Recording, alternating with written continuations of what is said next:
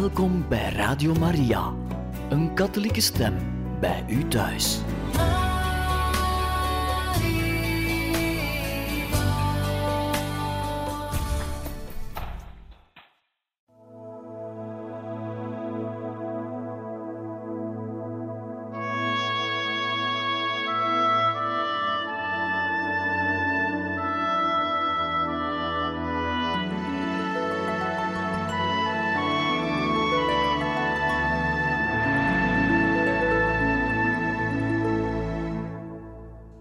Beste luisteraars van Radio Maria, in dit programma gaan we weer verder met het voorlezen uit het boek Don Bosco van Teresio Bosco. En we zijn gekomen bij het hoofdstuk nummer 22, het kruidvat dat op ontploffen staat, bij het onderwerp een priesterdief. Een van de methoden van Don Bosco om jongens naar het patronaat te halen bestond erin een winkel binnen te gaan waar jongens werkten en daar de baas aan te spreken. Zou u mij een genoegen willen doen? Als ik dat kan, eerwaarde. Ja, dat kunt u.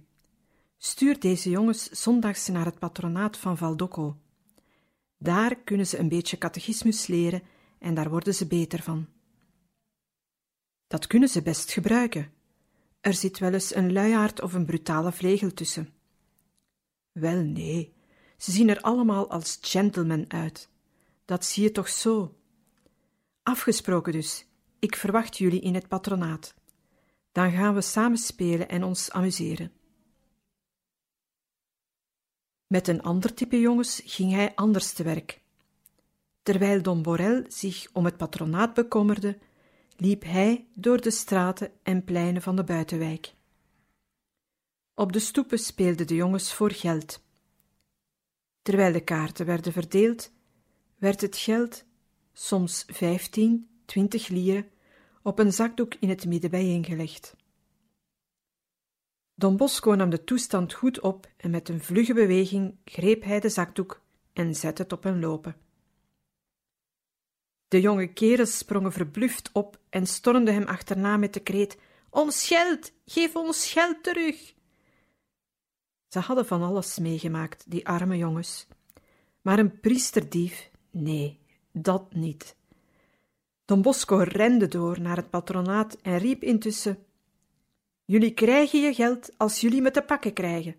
Vooruit, lopen, jongens! Hij rende de poort van het patronaat in, daarna die van de kapel. En de jongens hem achterna. Op dat moment waren Don Carpano en Don Borel op de kansel bezig met hun preek voor een groep jongens. En dan begon de grap. Don Bosco deed net of hij een voorbijtrekkende handelaar was.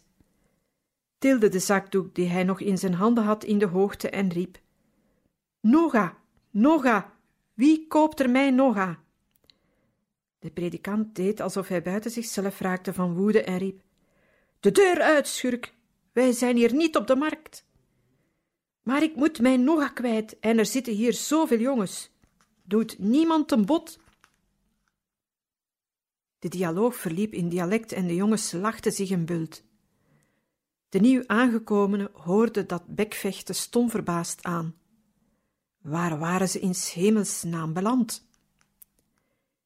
Intussen gingen de twee redetwistenden door met hun grappen en leuke toespelingen op het spelen om geld, op het vloeken, op de vreugde in de vriendschap met de Heer. Ten slotte begonnen ook de achtervolgers van Don Bosco te lachen en belang te stellen in het gesprek. Ten slotte werden de litanieën gebeden. Ze gingen om Don Bosco heen staan. Waar blijven nou onze centen? Nog eventjes, na de zegen. Daarna op de binnenplaats gaf hij hun het geld terug gaf hun wat te eten en liet hen beloven dat ze voortaan daar bij hem zouden komen spelen. En velen deden het. Het gelal van de zatlappen.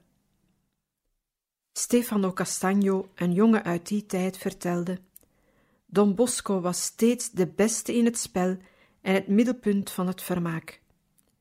Ik weet niet hoe hij het gedaan kreeg, maar elke keer zat hij weer in een andere hoek van de binnenplaats te midden van een groep jongens.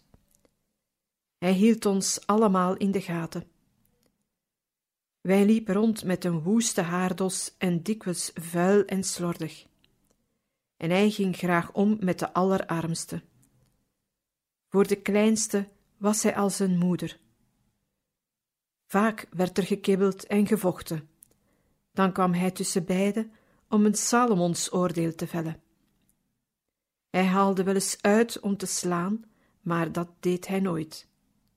Hij pakte ons bij onze arm en trok ons uit elkaar. Giuseppe Buzetti vertelde: hij kende honderden jongens die geen onderwijs hadden gehad en geen geloof bezaten. Ze veranderden onder zijn leiding in heel korte tijd. Ze hechtten zich zodanig aan het patronaat dat ze er niet meer van weg te slaan waren en elke zondag te biecht en te communie gingen.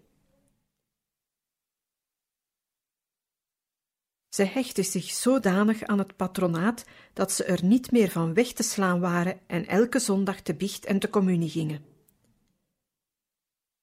Wat vooral in de zomer erg storend werkte, was de giardiniera, dat wil zeggen de druk beklante kroeg van Bellezza. Wanneer wegens de drukkende hitte de deuren en vensters van de kapel openstonden, kon je het gelal van de zatlappen duidelijk horen. Soms was Don Bosco gedwongen van de kansel af te komen. Hij legde koorhemd en stool af en ging de taverne in, waar hij met de politie dreigde. Het probleem van de medewerkers werd steeds dringender. Don Borel, Don Carpano en de andere priesters werden zondags vaak elders ingezet. Waar moest hij helpers zoeken voor de assistentie, de catechismus en vooral voor de avondlessen? Don Bosco herinnerde zich dat in de droom enkele lammeren in herders omgetoverd werden. Hij begon toen medewerkers te zoeken onder zijn eigen jongens. Hij haalde de beste onder de grootste jongens eruit en gaf hun privéles. Die kleine meesters, zo schreef Don Lemoine, in het begin acht à tien in getal, leverden uitstekende resultaten op.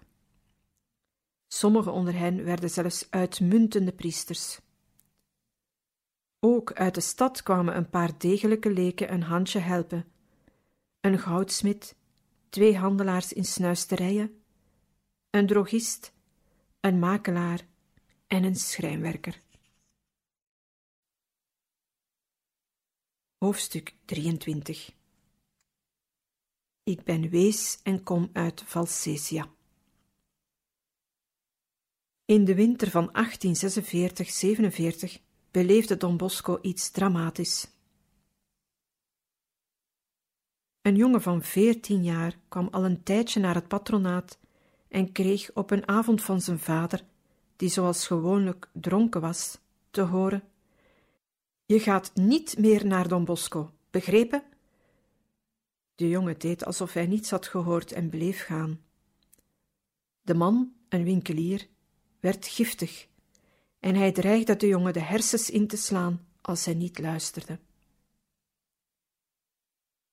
Op een late zondagavond keerde de jongen uit het patronaat naar huis terug en vond thuis zijn vader stomdronken. Met een bijl in zijn hand zat hij hem op te wachten. Hij ging schreeuwend op de jongen af. Jij bent bij Don Bosco geweest. Uit angst zette de jongen het op een lopen en de man hem achterna terwijl hij schreeuwde: Als ik je te pakken krijg, sla ik je tot moes de boom en de mist. Zijn moeder, die de scène had bijgewoond, ging haar man achterna om hem de bijl af te pakken. De jongen had met de snelheid van een veertienjarige het patronaat met een flinke voorsprong op zijn vader bereikt, maar hij vond de poort gesloten. In zijn wanhoop begon hij erop te beuken, maar toen hij uitgeput niemand hoorde opdagen om open te maken, klauterde hij in een grote moerbijboom vlakbij. Er hingen wel geen blaren aan, maar het was een mistige nacht. Hijgend kwam ook de dronkaard met zijn bijl aan. Hij bonkte met geweld op de poort. Margarita had bij toeval door het raam kijkend de jongen in de moerbijboom zien klimmen, vertelde het dadelijk aan Don Bosco en ging openmaken.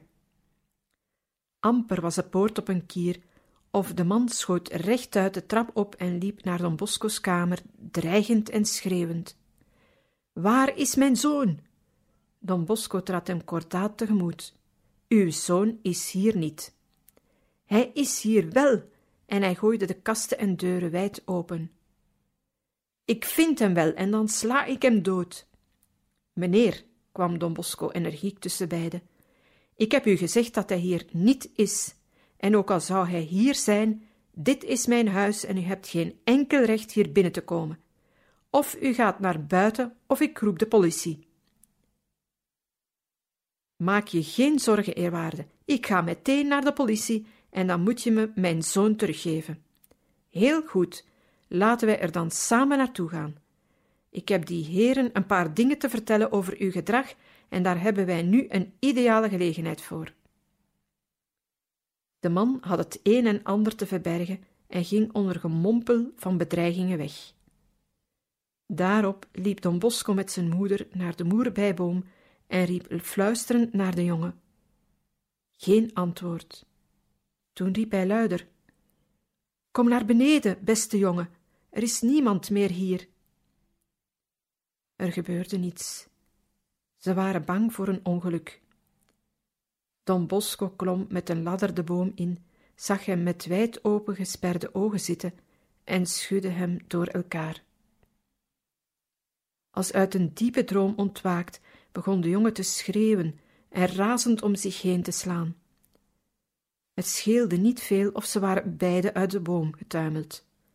Don Bosco moest hem stevig vasthouden en zei tegen hem: Ik ben je vader niet, ik ben het, Don Bosco. Wees maar niet bang. Zachtjes aan werd hij kalm en begon stilletjes te huilen. Don Bosco slaagde erin hem naar beneden te halen en naar de keuken te brengen. Moeder Margarita maakte iets warms voor hem klaar en Don Bosco legde een matras waarop de jongen voor de haard kon slapen. Om hem tegen de woede van zijn vader te beschermen, stuurde Don Bosco hem de volgende dag naar een goede baas in een naburige wijk. Pas een tijdje later mocht hij weer naar huis. Misschien begon in die periode een oud zeer weer te knagen aan Don Bosco's hart. Onder zijn jongens waren er die s'avonds niet wisten waar ze zouden slapen. Ze kwamen dan terecht onder de bruggen of in de smerige openbare slaapgelegenheden. Sinds enige tijd dacht hij erover de meest verlaten jongens in huis op te nemen. Hij waagde een eerste experiment op een avond in april 1847. Het huis van Pinardi loopt van rechts gezien uit in een kleine hooischuur. Tegenwoordig is dat de doorgang naar de grote speelplaats aan de achterkant van het gebouw. Daar liet Don Bosco een zestal jongens slapen. Het werd een fiasco. De volgende dag waren de gasten er vandoor met de dekens die moeder Margarita hun geleend had. Don Bosco herhaalde het experiment enkele dagen later, en dit keer was het resultaat nog erger. Nu hadden ze ook nog het hooi en het stro meegegapt. Don Bosco liet zich niet ontmoedigen. We onderbreken nu even voor wat muziek.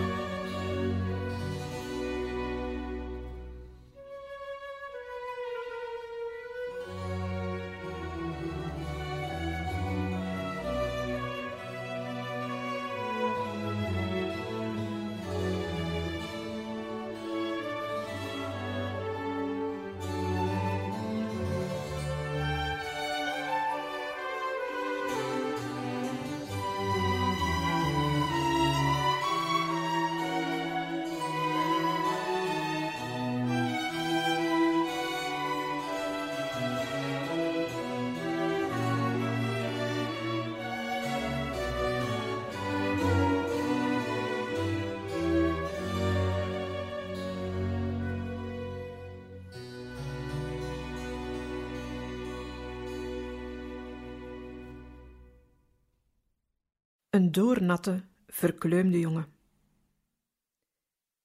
Een avond in mei. Het regent pijpenstelen. Don Bosco en zijn moeder waren juist klaar met hun avondmaal toen iemand op de deur bonkte. We volgen het verhaal zoals Don Bosco het heeft opgeschreven.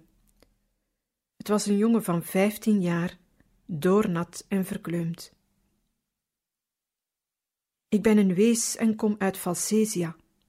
Ik ben metselaar, maar heb nog geen werk gevonden. Ik heb het koud en ik weet niet waar ik heen moet. Kom binnen, zegt Don Bosco. Ga dicht bij het vuur zitten, want je bent doornat en je zou je een ziekte op de hals kunnen halen. Moeder Margarita maakt eten voor hem klaar. Daarna vraagt ze: En wat nu? Waar wil je nu heen? Ik weet het niet. Ik had drie lieren toen ik in Turijn aankwam, maar ik heb ze allemaal uitgegeven. Stil begint hij te huilen. Alsjeblieft, stuur me niet weg. Margarita denkt aan de dekens die verdwenen zijn. Ik zou je hier kunnen houden, maar wie garandeert mij dat je er niet met de potten en pannen van doorgaat? O nee, mevrouw, ik ben wel arm, maar ik heb nog nooit gestolen. Don Bosco is naar buiten gegaan in de regen om een paar bakstenen te halen. Hij neemt ze mee naar binnen, maakt er vier zuiltjes mee en legt daar een paar planken over. Dan haalt hij zijn eigen matras en legt die erop. Hier kun je slapen, beste jongen, en je mag hier blijven zolang het nodig is. Don Bosco zal je nooit wegsturen. Mijn goede moeder vroeg hem zijn avondgebed te bidden. Dat kan ik niet, antwoordde hij. Doe het dan maar samen met ons, zei ze. En zo gebeurde het.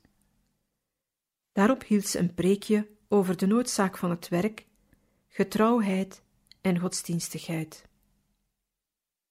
In dat sermoentje van moeder Margarita lag voor de Salesianen de liefdevolle oorsprong van hun avondwoordje, dit wil zeggen, een kleine toespraak die door het hoofd van het huis gehouden wordt. Daarmee wordt de dag in de Salesiaanse huizen besloten. Don Bosco vond dat de sleutel van het moreel, van de goede geest en van het succes. Maar moeder Margarita was niet erg overtuigd van het effect van haar woorden en daarom voegde Don Bosco er aanstonds aan toe. Voor alle zekerheid sluiten wij de keuken af en die wordt pas morgen vroeg weer geopend. Hij was de eerste weesjongen in Don Bosco's huis. Op het einde van het jaar 1847 waren het er zeven. Het zouden er duizenden worden. De tweede was een twaalfjarige jongen uit een burgergezin. Don Bosco ontmoette hem op de Via San Massimo, die nu de Corso Regina Margherita heet. Hij zat te huilen met zijn hoofd tegen een olm. Hij had geen vader meer. Zijn moeder was de dag voordien gestorven en de huisbaas had hem het huis uitgezet en het huisraad in beslag genomen om zich daarmee schadeloos te stellen voor de niet betaalde huur.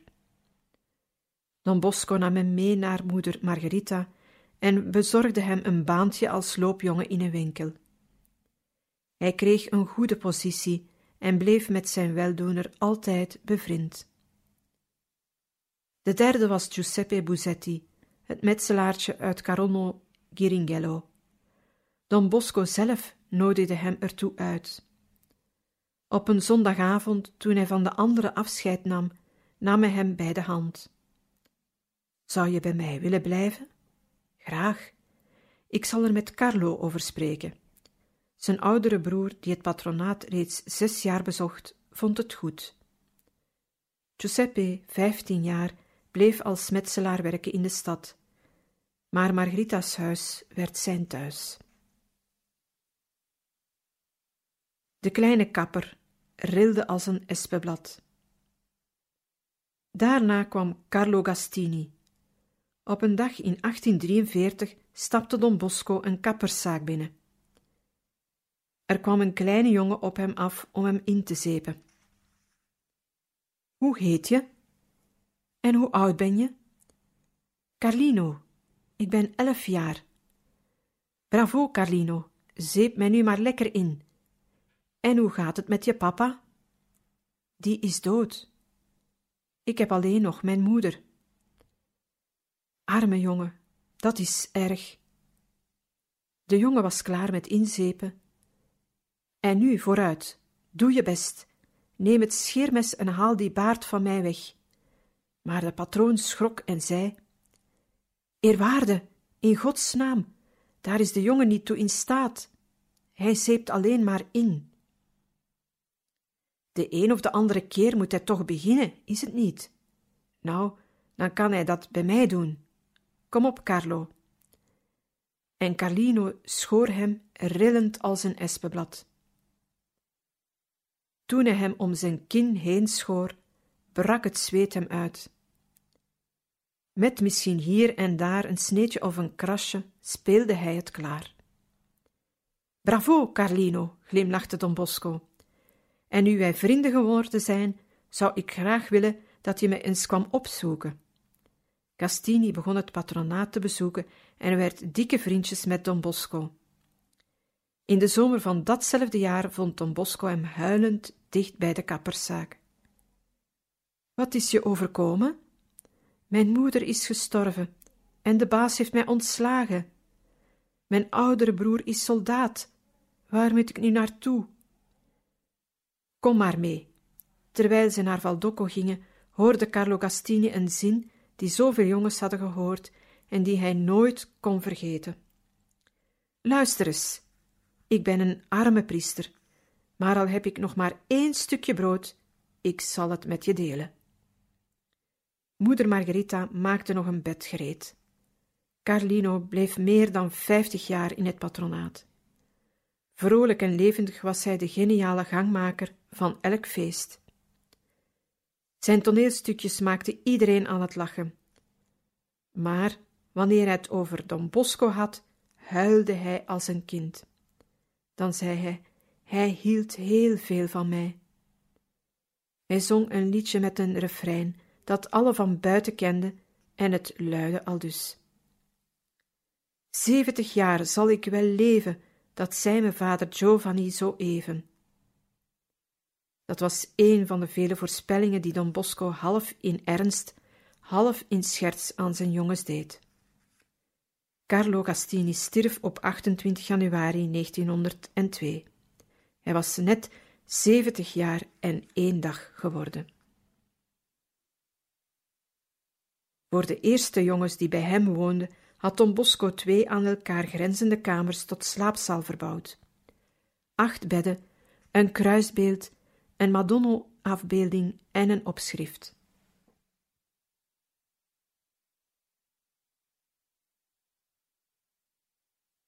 Acht bedden, een kruisbeeld, een Madonna-afbeelding en een opschrift.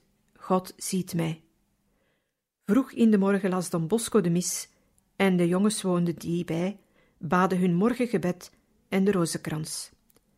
Daarna staken ze een broodje in hun zak en gingen de stad in naar hun werk. Voor het middag- en avondmaal kwamen ze terug. Dikke gebonden soep was er altijd in overvloed. De rest varieerde afhankelijk van het seizoen, van moederstuin en van Don Bosco's beurs. Geld. Van de eerste maanden af was het voor Don Bosco een dramatisch probleem en het zou zo blijven zijn hele leven lang. Zijn eerste medewerkster was geen gravin, maar zijn eigen moeder. Die arme boerenvrouw liet uit Becky komen, wat ze tot dan toe zorgvuldig bewaard had. Haar uitzet, haar ring, haar oorbellen en haar halssnoer. Sinds de dood van haar man had ze al dat moois niet meer gedragen. Ze verkocht alles om de honger van de eerste jongens te stillen. We onderbreken nu even voor wat muziek.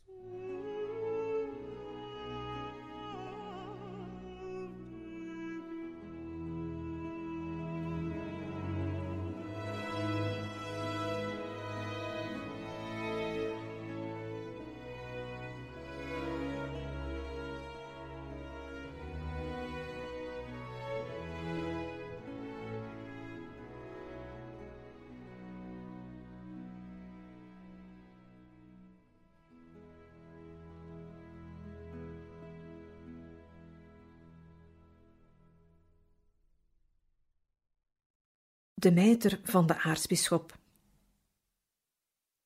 Dit begin van het eerste Salesiaanse huis werd door Don Bosco het bijgebouw van het patronaat van de heilige Franciscus van Sales genoemd. Een veelzeggende naam, vindt Morantweurt. Daaruit blijkt dat het patronaat in de gedachten van de stichter op de eerste plaats blijft staan. In de maand mei 1847 stichtte Don Bosco onder zijn patronaatsjongens het genootschap van de heilige Aloysius. De leden namen drie dingen op zich: het goede voorbeeld geven, vuile praat vermijden, geregeld de sacramenten ontvangen. Het genootschap werd spoedig een groep jongens die zich ertoe verbonden elkaar te helpen om beter te worden. Een maand later, op 21 juni, werd het eerste feest van de heilige Aloysius plechtig gevierd. Don Bosco hield die jonge heilige aan zijn jongens steeds voor als het model van de zuiverheid. De aartsbisschop kwam naar het feest en diende het vormsel toe aan wie het nog niet ontvangen had. Bij die gelegenheid gebeurde het, zo vertelde Don Bosco zelf, dat de aartsbisschop bij het opzetten van zijn mijter er niet aan dacht dat hij niet in de kathedraal was. In haast tilde hij zijn hoofd op en stiet daarmee tegen de zoldering van de kapel. Iedereen lachte, zowel hij zelf als alle aanwezigen. Monseigneur Fransoni mompelde: Je moet rekening houden met de jongens van Don Bosco en ze met ontbloot hoofd toespreken. Een ander detail, maar in de ogen van Don Bosco zeer voornaam, was na de plechtigheid van het vormsel werd een soort proces verbaal opgesteld, met aanduiding van de bedienaar van het sacrament, de voornaam en de familienaam van de Peter, de plaats en de datum. Daarna werden de biljetten verzameld, per parochie ingedeeld naar het aartsbisdom gebracht, om van daaruit aan de verschillende pastoors te worden overgemaakt. Door die handelwijze erkende de aartsbisschop het patronaat in feite als de parochie van de verlaten jongens. En bevestigde hij daarmee zijn steun aan Don Bosco tegenover de pastoors van de stad, die nog altijd een aarzelende houding tegenover hem aannamen. In september van dat jaar kocht Don Bosco het eerste beeld van de Madonna. Het kostte hem 27 leren. Het staat er nog altijd in de kapel Pinardi. Bij het binnenkomen ziet men het beeldje rechts in de schemer. Op de grote feestdagen van de Madonna droegen zijn jongens het in processie in de omgeving rond. In de omgeving wil zeggen een paar huizen, de kroeg van de Giardiniera, met de gebruikelijke luidruchtige dronkaards, de twee kleine bevloeiingskanalen en een met moerbijbomen omzoomde smalle weg, de Via della Giardiniera, die het huidige plein van de basiliek van Maria Hulp der Christenen schuin doorsneed. Driekleurige kokardes in de kathedraal. In die maanden van 1847 zette de liberale Carlo Alberto onder druk om tot een hervormingsprogramma te komen. Maar de koning lette nog scherp op Oostenrijk en wilde zich niet laten beïnvloeden. Hij deed één pas vooruit en dan weer één achteruit en was besluitelozer dan ooit. In september werd een lied gecomponeerd door maestro Novaro. Hij woonde en werkte toen in de Via Rosa Rossa 10, nu via 20 september 19.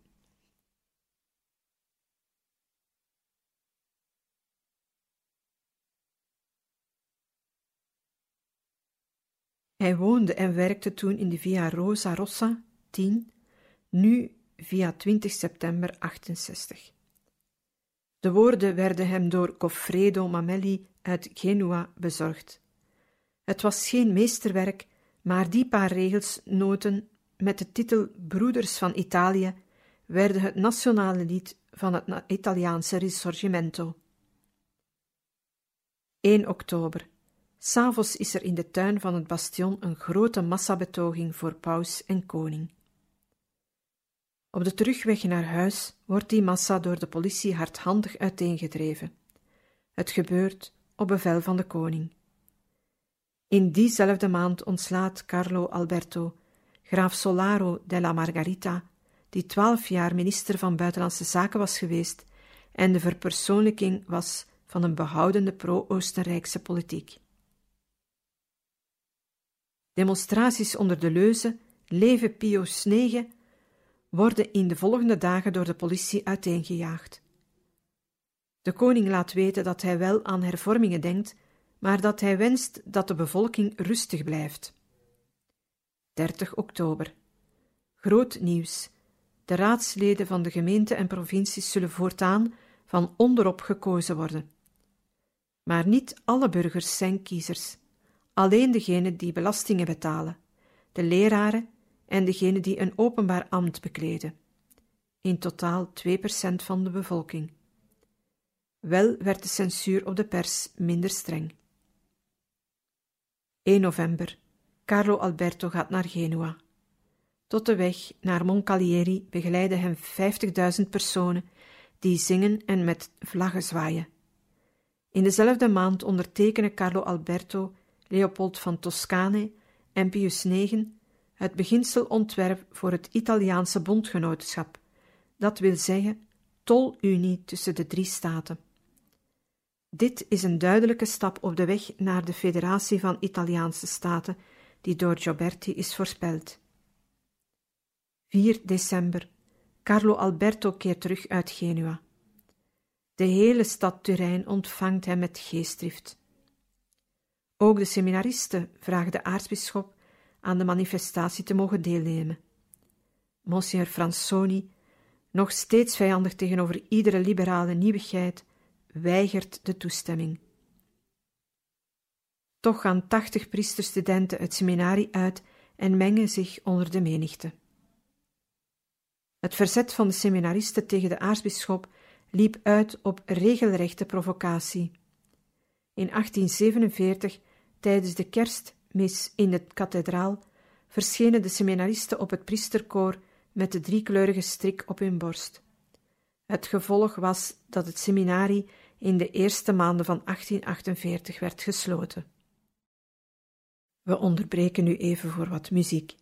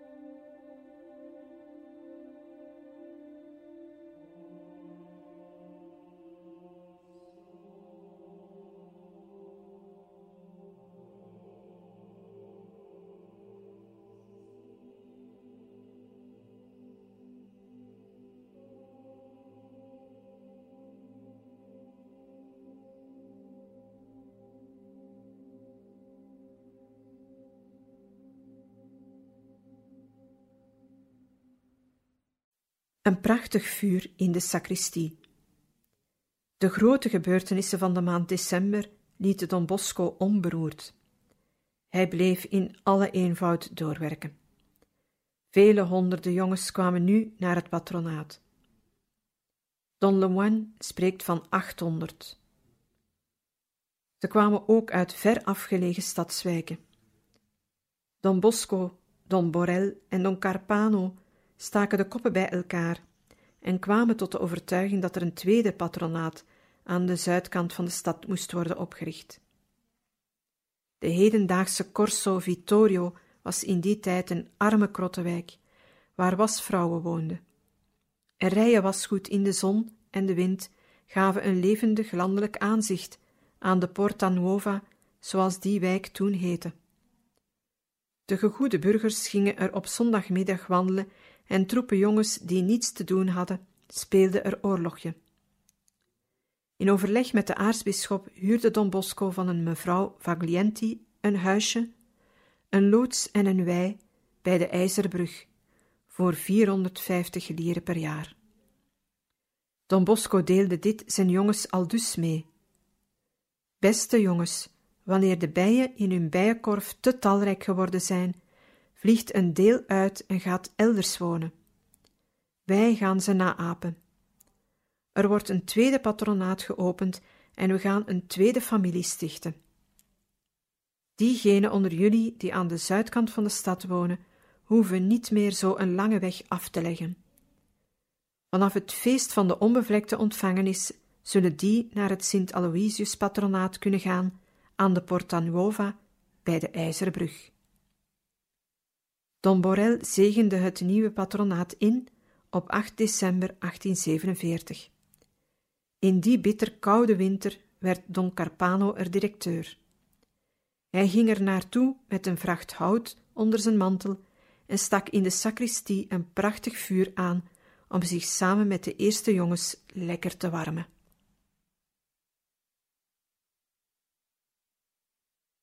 Hoofdstuk 24 De koorts van 1848 In 1848 vlogen de Europese staten als munitiedepots de lucht in. De vlam van de revolutie sloeg vooral over op de steden. Parijs op 23 en 24 februari, Wenen op 13 maart, Berlijn op 15 maart, Budapest ook op 15 maart, Venetië op 17 maart en Milaan op 18 maart. Na gevechten in de steden volgden oorlogen en veldslagen. In een paar maanden tijd stond heel Europa in lichterlaaien. De uitbarsting was zo wijd verbreid dat Tsaar Nicolaas van Rusland op 3 april vol vrees uitriep: Wat blijft er in Europa nog overeind? In het Italiaanse spraakgebruik werd voortaan elke chaotische toestand een 48, bedoeld is 1848, genoemd. Zoals steeds willen wij hier niet een volledig overzicht van de Italiaanse en Europese geschiedenis geven, doch alleen de essentiële feiten vermelden die het leven van Don Bosco hebben beïnvloed, vooral de gebeurtenissen in Turijn en in Piemonte in het algemeen, want die zullen zijn houding en keuze bepalen. Liberalen, patriotten en arbeiders op de barricade. De wereldwijde omwenteling van 1848 is niet te begrijpen als we de drie verstrengelde hoofdfactoren niet voor ogen houden. Ten eerste, de liberale stroming die in de plaats van het absolutisme naar een constitutionele staatsstructuur met volksvertegenwoordiging streefde. Ten tweede, het nationalisme, dit wil zeggen het streven van elke natie naar onafhankelijkheid tegen het Oostenrijks keizerrijk in. Ten derde, de arbeidersbewegingen die voor meer sociale rechtvaardigheid streden. Om het eenvoudig uit te drukken, op de barricade van de verschillende Europese steden vochten zijde aan zijde de liberalen die de constitutie wensten, de patriotten die de onafhankelijkheid van hun land tegenover de bezetter nastreefden, en de arbeiders die tegen de patroons gekant waren omdat ze hen 12 tot 14 uur per dag lieten werken. De arbeidersbeweging vocht voornamelijk in Parijs. De gevechten van 24 februari in de oostelijke wijken van de stad maakten de weg vrij voor 1848. Het werd een bliksemsnelle overwinning. Na de omverwerping van de monarchie van Louis-Philippe zag men burgers en arbeiders verbroederen onder de vrijheidsbomen die door priesters werden gezegend.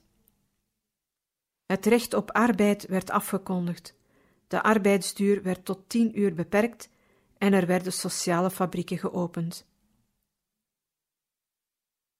Maar vier maanden later, ten gevolge van ernstige fouten van de arbeiders en van de onverdraagzaamheid van de burgerij, volgde een even bliksemsnelle onderdrukking. Parijs, waar 140.000 arbeiders opeengepakt zaten, werd na vier dagen bittere strijd stormenderhand veroverd door generaal Cavaignac op 23 tot 26 juni. Er volgde een vreselijke vergelding en de arbeidstijd werd weer op 12 uur gebracht. Onder invloed van die vergelding begonnen de arbeiders het humanitaire socialisme af te zweren en naar het hardere, meedogenlozere marxisme over te lopen. Marx had in januari van dat jaar het Communistisch Manifest uitgegeven. In Italië vond de arbeidersbeweging alleen voorvechters op de barricade van Milaan. Heel het Italiaanse 1848 werd overheerst door de liberalen, die van de absolutistische koning de constitutie wilden afdwingen, en door de patriotten die de onafhankelijkheidsoorlog tegen Oostenrijk predikten. Oostenrijk bezette heel Lombardije en Veneto en oefende op veel andere staten zware druk uit. Het Italiaanse 1848 kende drie fasen. Ten eerste de constituties, ten tweede de volksopstanden tegen Oostenrijk en ten derde de eerste onafhankelijkheidsoorlog onder leiding van Carlo Alberto. We beëindigen hier deze lezing voor vandaag uit het boek Don Bosco en gaan volgende keer verder met het hoofdstuk 24, de koorts van 1848. Bij het onderwerp de Constitutie wordt het statuut genoemd. Dank u voor het luisteren.